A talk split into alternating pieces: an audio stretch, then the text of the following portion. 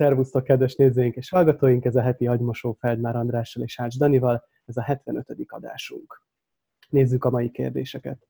Az elsőnek a tárgya alkohol.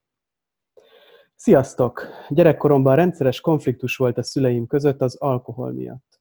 Édesapám soha nem volt részeg, de édesanyám már egy sör és egy feles is időnként zavarta. A részeg emberektől félek, és szorongok, ha a párom iszik. A mostani párkapcsolatomban, ami négy éve tart, megkértem a párom, hogy tartsa a határokat, mivel megismerkedésünkkor erre nem volt képes. Elmondtam neki, mi zajlik bennem az alkohol hatására, és mit éltem át. Megállapítottunk egy olyan alkoholmennyiséget, amitől még ő se csíp be, és én se feszülök be. Ezt így már két-három éve tartja. Nyáron volt egy botlása, azt mondta azért, mert nem akarta otthagyni vagy kidobni a sört. Azt érzem, hogy ez kifogás.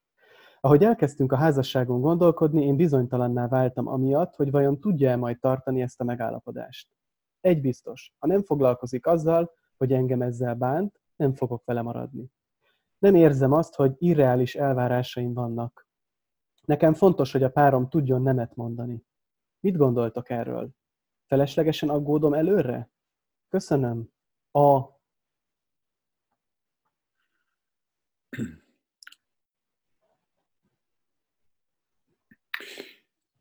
Hát, te, hogy feleslegesen van min aggódnod, meg a párodnak is.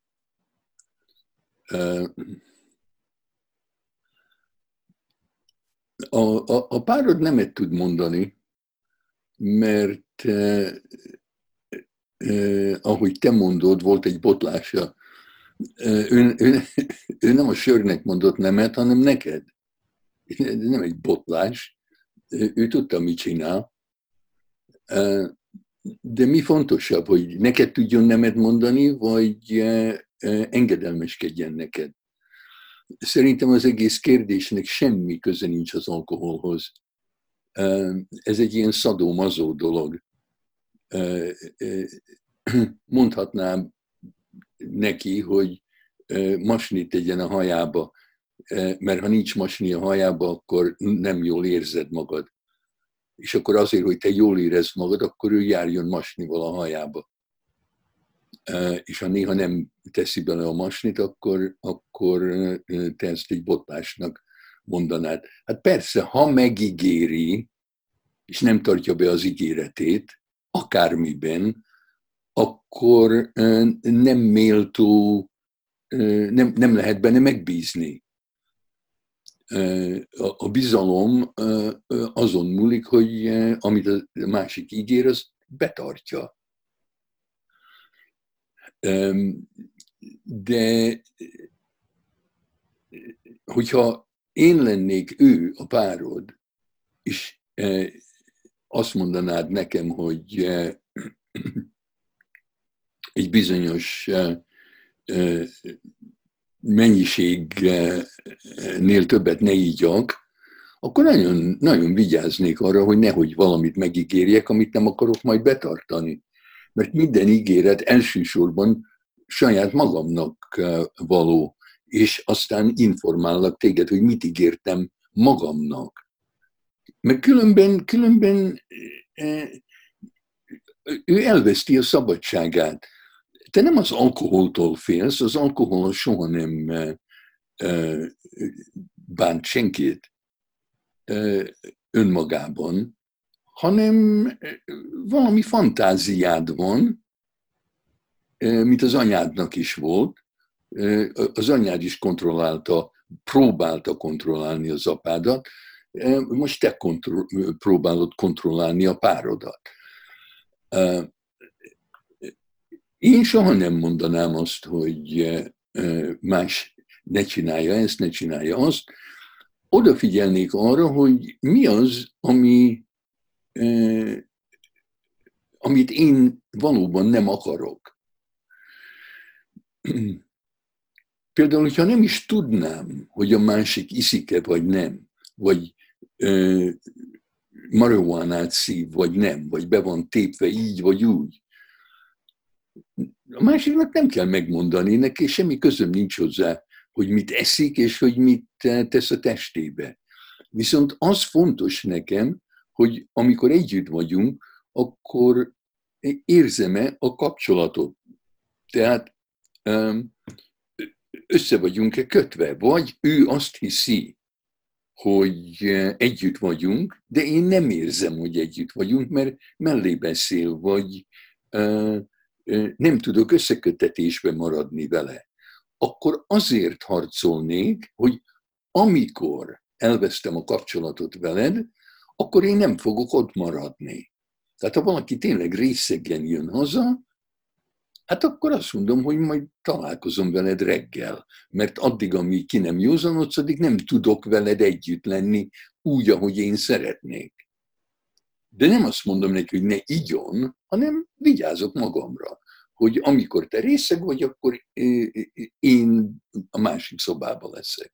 Vagy ne gyere haza részegen. Hát sok mindent el lehet intézni, de az, hogy azért ne csinálj valamit, mert nekem az nem jól esik, hát azt is lehet, de nem vezet jóra.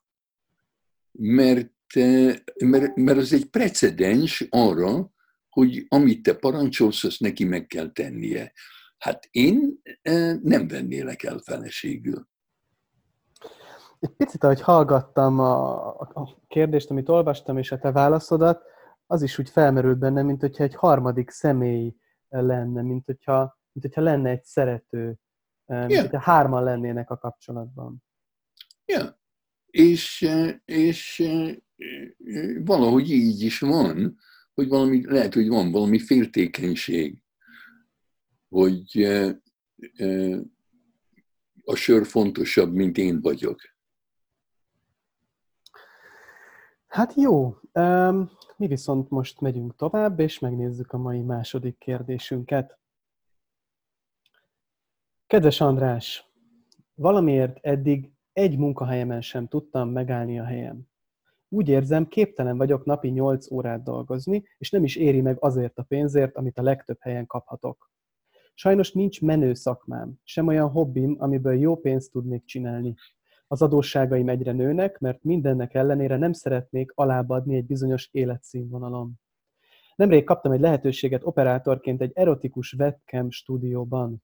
Az lenne a feladatom, hogy erotikus beszélgetéseket folytassak a vendégekkel, nagyon jó pénzért, kevés munkaidőben. Elsőre ez nagyon jó lehetőségnek tűnt, de már lelkiismeret furdalással gondolok rá vallásos hitben neveltek fel, és én is vallásos emberként gondolok magamra, hiszek a keresztény értékekben, és úgy érzem, ez a munka nem összeegyeztethető azokkal. A hagyományos munkák viszont szorongással töltenek el. Mi a véleményed a helyzetemről? Üdv, T. Na T. Ez olyan, mint ha szeretnél úszni, azt mondod, hogy szeretsz úszni, de utálod a vizet. Hát mit csináljunk? Baj. Erre sincs zöld lámpa, arra sincs zöld lámpa. Akármelyik ajtót kinyitod, bum, nem jó. Hát hogy, hogy, hogy csinálod ezt? És úgy csinálsz, mintha nem lenne más lehetőség. Hát rengeteg ajtó van, amit te még meg se próbáltál kinyitni. Hát nem csak az van, hogy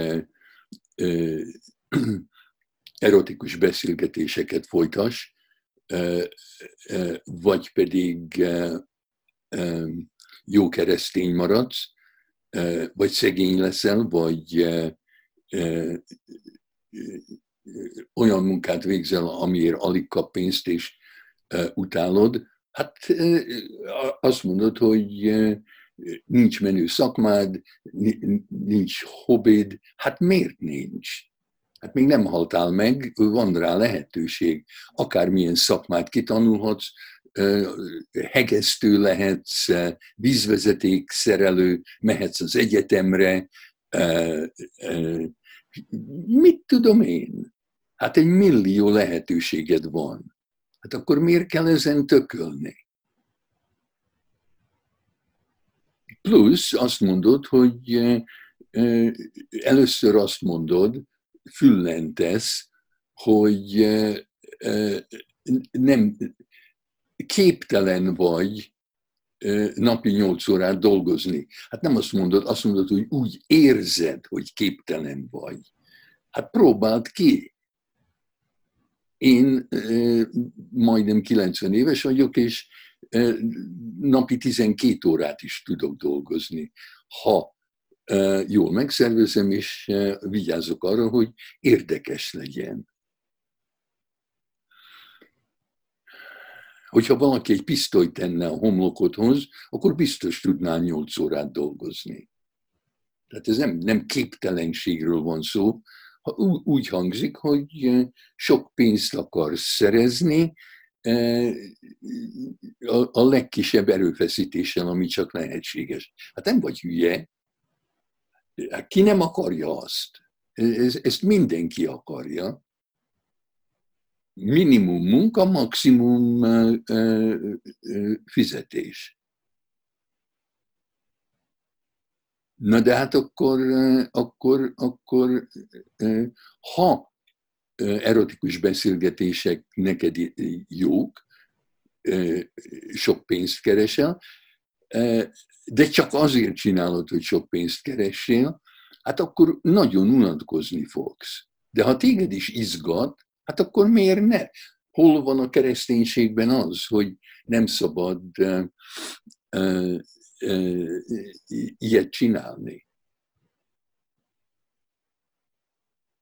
Úgyhogy szerintem az a szokásod, hogy úgy csinálsz, mintha erre se lehetne menni, meg arra se lehetne menni, mint hogyha meg lennél akadva. Hát erre kéne fókuszálnod, hogy hogy ez mi, hogy miért csinálsz úgy, mintha se erre, se arra nem lehet menni. Én szerintem erre is, arra is, ide is, oda is, mindenhova lehet menni. Szabad ember vagy. Az jutott eszembe a minimális munka maximális fizetésről, hogy néhány évben, nem, nem olyan régen beszéltél Szentendrén erről egy kicsit egy ilyen tanulócsoportos előadáson, ahol az merült föl, hogy hát a kamasz gyereke, a, éppen a kérdezőnek, hát az miért, mondjuk miért drogdílerkedik, vagy miért, miért ad el mondjuk füvet. És akkor hoztad be ezt a példát, hogy hát minden, senki se hülye, hát mindenki minél kisebb munkabefektetéssel, minél több pénzt akar szerezni. Ja, egy, a, a, a mai okos lányok fiatal lányok prostik lesznek. Hol lehet annyi pénzt keresni? Egy, egy, egy, tizen, egy 18 éves lány több pénzt tud keresni, mint én. És a, a, a fiúknak, a, a, a, a drogoknak az árulása sokkal uh, uh, jobb üzlet, mint a Starbucksnál barisztának lenni. Ja, és ugyanitt mondtad azt is, hogy eh, ha mondjuk a gyerekem meteorológus akar lenni, akkor nekem nem kell őt eh, pusolnom, nyomnom sehova, csak meg kell neki mondanom, hogy ahhoz, hogy te meteorológus legyél, ezt és ezt és ezt eh, el kell végezned. Ja. Oké, okay, hát akkor nézzük a mai harmadik kérdésünket. A tárgya pedig skizofrénia. Kedves András és Dani, 22 éves vagyok, van egy 30 éves testvérem, aki skizofréniában szenved, kb. 10 éve. Terápiára jár, gyógyszereket szed, de az állapota változatlan. Nagyon rossz paszban érzi magát mindig, félelmei, tévképzetei, öngyilkossági gondolatai vannak. Nem tudja élvezni az életet, nincs ami lekötné, minden napja szenvedés.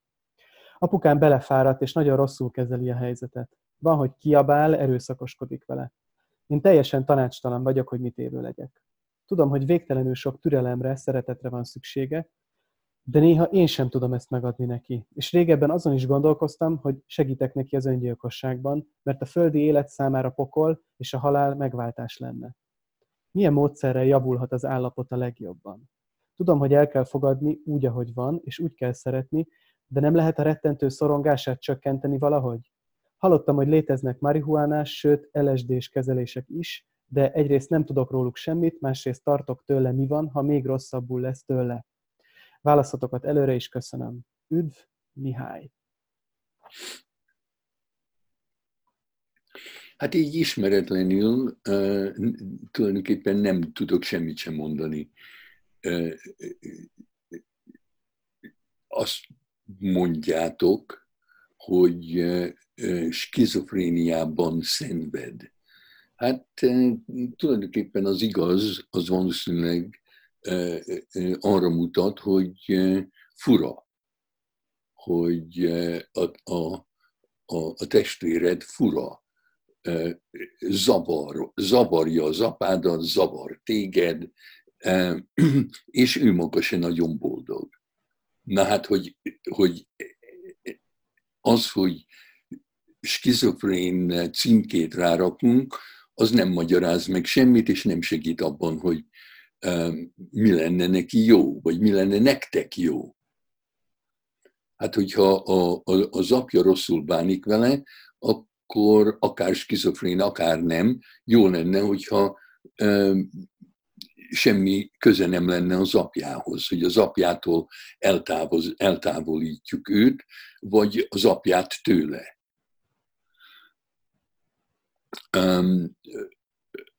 Ha már évek óta jár terápiába és eh, drogokat kap, és semmi se változik, akkor abba kell hagyni a terápiát és a drogokat, valószínűleg, mert miért csinálna bárki, bármikor, miért folytatna valamit, aminek nincs haszna. Tehát a, a, az őrület az, az nem benne van, hanem körülötte. Hogy, eh, ha, hogyha a fejemet a falba verem, és nem jól érzem magam utána, akkor miért verném a fejem a falba megint, és megint, és megint, amikor soha nem vezet arra, hogy jól érezzem magam. Hogyha, hogyha valamit csinálok, és az nem jó, hát akkor csináljak valami mást, akármi mást. És akkor másképp fogom érezni magam, vagy rosszabbul, vagy jobban. Az, hogy valakinek, akit mások skizofrénnak címkéztek, annak lehet-e adni LSD-t például? Hát persze, hogy lehet, de az ember soha nem tudja, hogy mi fog történni. De ez is olyan, hogy hogyha az antipszichotikumok és az antidepresszánsok nem működnek, hát akkor, akkor miért folytassuk adni őket, akkor az ember kipróbálhatja az LSD-t is, vagy az MDMA-t, vagy bármi mást. De felelősséget vállalni azért, hogy valaki esetleg ne legyen öngyilkos, LSD előtt vagy LSD után, antidepresszánsok előtt vagy antidepresszánsok után, hát azért nem lehet felelősséget vállalni, csak úgy, hogy összekötöm tényleg spárgával, vagy bilincsel magamat az illetőhöz, és ne, állandóan vele vagyok, és ha meg akarja ölni magát, akkor, akkor birkózom vele, és nem engedem meg. Hát különben nem lehet felelősséget vállalni valakiért. Én ismerek olyan helyzeteket, ahol valaki, aki sokáig kórházban volt, és négyszer vagy ötször már megpróbálta ölni magát, LSD terápiában vett részt, de a férje és a családja tulajdonképpen beleegyeztek, mondván, hogy hát már eddig is négyszer-ötször majdnem megölte magát, hát ha véletlenül megöli magát az LSD terápia után, akkor nem fogják beperelni a kórházat. Vagy azt a pszichiátert, aki ezt megcsinálja vele. Mi, mi veszteni valójuk volt?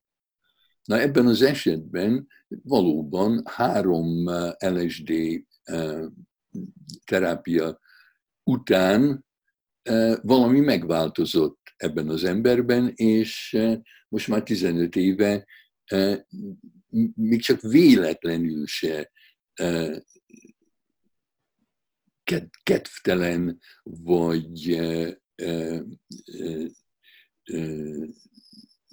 szomorú mindenfélét csinál, boldogan éli az életét,